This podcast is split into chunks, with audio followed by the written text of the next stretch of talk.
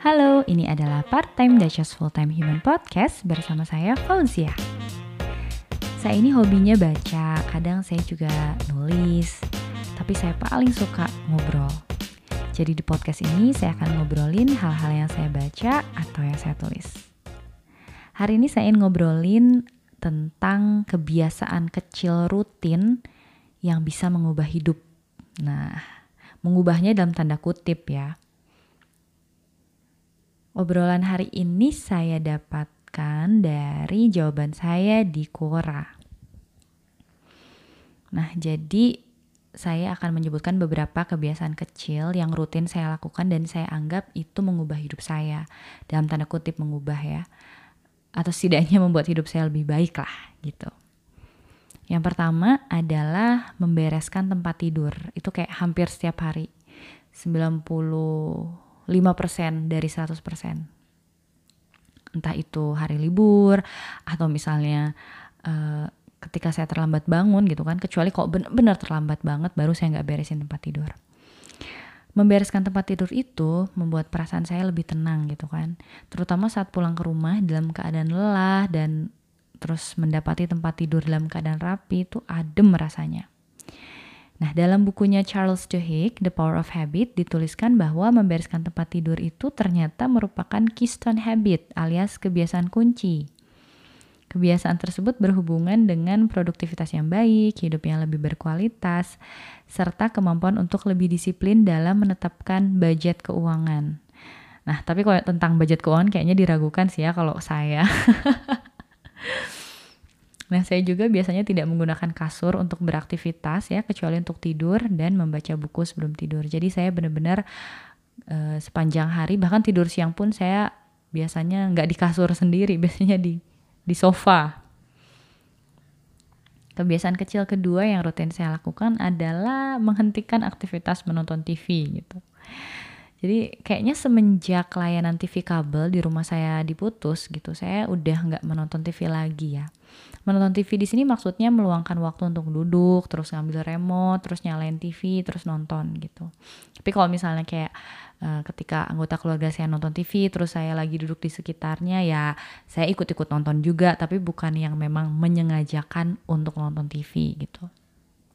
Aktivitas nonton TV itu kayak udah lama banget sih mungkin udah empat atau lima tahun lah saya nggak seperti itu gitu kan sebetulnya nggak nonton TV itu mudah banget sih dilakukan karena memang waktu luang juga semakin terbatas ya dan banyaknya media yang menggantikan peran TV dalam hidup saya gitu kan seperti smartphone, YouTube, podcast gitu kan.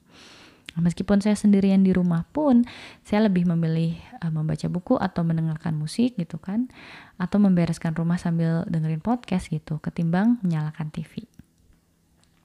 Kebiasaan kecil ketiga yang saya lakukan adalah mendengarkan podcast atau siniar. Nah, saya ini berkenalan dengan podcast sepertinya di awal 2016 awalnya itu saya mencari media untuk melatih kemampuan mendengar saya dalam bahasa Inggris. Nah, ternyata podcast itu menyediakan tidak hanya sebagai media latihan berbahasa Inggris saja, tetapi juga penuh dengan pengetahuan lain.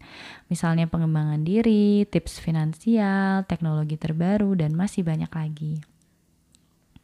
Beberapa bulan terakhir ini juga saya mungkin udah bukan beberapa bulan ya, udah hampir tahunan lah setahun dua tahun gitu saya memutuskan untuk menggunakan waktu berkendara saya naik motor untuk mendengarkan podcast. Jadi karena kebetulan kantor saya ini berjarak sekitar 20 km dari rumah jadi saya memutuskan untuk menggunakan waktu berkendara menggunakan motor itu sambil dengerin podcast gitu. Jadi saya ngerasa waktu berkendara juga lebih berfaedah gitu ya. Dan aplikasi yang saya gunakan untuk mendengarkan podcast adalah Cast Box, Castbox. Ada beberapa podcast favorit saya yang sering saya dengerin adalah Dear Therapist. Itu dibawakan oleh Lori Gottlieb, penulis favorit saya, dan Guy Winch. Terus ada Deep Questions with Cal Newport. Tentu saja Cal Newport. Terus ada Learn Japanese Pod, Let's Talk in Japanese, Japanese Podcast for Beginners. Itu podcast-podcast untuk belajar bahasa Jepang terus ada the TED interview uh, oleh Chris Anderson, terus ada Your Undivided Attention uh, dari Tristan Harris, terus juga ada Sandiwara Radio Bahasa Jawa itu saya dengerin kalau saya lagi kangen dengerin orang ngomong bahasa Jawa halus. Nanti deh kapan-kapan kita bahas tentang podcast podcast favorit saya ya. Kebiasaan kecil selanjutnya adalah mematikan semua notifikasi aplikasi di HP nih, kecuali telepon, SMS, dan WhatsApp. Udah lama sih kayaknya saya mati notifikasi ya gitu kan. Karena saya merasa kurang nyaman gitu kalau melihat notifikasi muncul di layar HP apalagi kalau ada suaranya gitu kan Notif notifikasi kan ada suaranya gitu. Nah kebiasaan ini secara nggak langsung ternyata membantu saya lebih tenang dan juga fokus gitu lebih ke mungkin lebih ke digital minimalism gitu ya berusaha untuk mengoptimalkan penggunaan HP jadi saya eh, nggak uh, mudah terdistraksi dengan notifikasi. Kebiasaan rutin, kebiasaan kecil yang rutin saya lakukan adalah membisukan semua grup WhatsApp kecuali grup keluarga inti saya gitu kan. Ini membantu banget supaya saya bisa fokus menjawab pesan yang memang penting gitu kan. Saya juga terkenal fast respons sih gitu kan di kalangan teman-teman gitu. Mungkin ya karena saya membisukan grup WhatsApp dan setiap ada notifikasi chat masuk saya biasanya langsung buka sih supaya nggak numpuk gitu kan. Terus kebiasaan kecil lainnya adalah mengikuti hanya akun-akun yang dianggap memberikan manfaat positif bagi pribadi saya di media sosial gitu kan. saya ini termasuk orang yang agak cuek juga sih kalau misalnya ada temen yang nanya gitu kenapa sih nggak follow akun saya di IG gitu kan. Saya cuek sih karena uh, saya belajar bahwa diri sendirilah yang bisa menyaring apa yang ingin dilihat gitu di media sosial gitu kan. Jadi ya ya saya harus milih gitu siapa aja yang saya follow, apakah postingannya inspiratif gitu kan dan lain sebagainya. Dan saya juga nggak keberatan sih kalau misalnya ada temen yang nggak follow saya gitu misalnya di Instagram atau di Facebook nggak masalah gitu kan. Saya tetap bisa berteman seperti biasa gitu kan. That's okay. Kebiasaan rutin lainnya adalah menulis buku harian. Meskipun gak rutin-rutin amat sih gitu kan, tetapi dibandingkan kebanyakan orang sepertinya sih lebih rutin gitu. Dan saya udah pernah bahas juga ya tentang menulis buku harian, kenapa saya masih rutin nulis buku harian.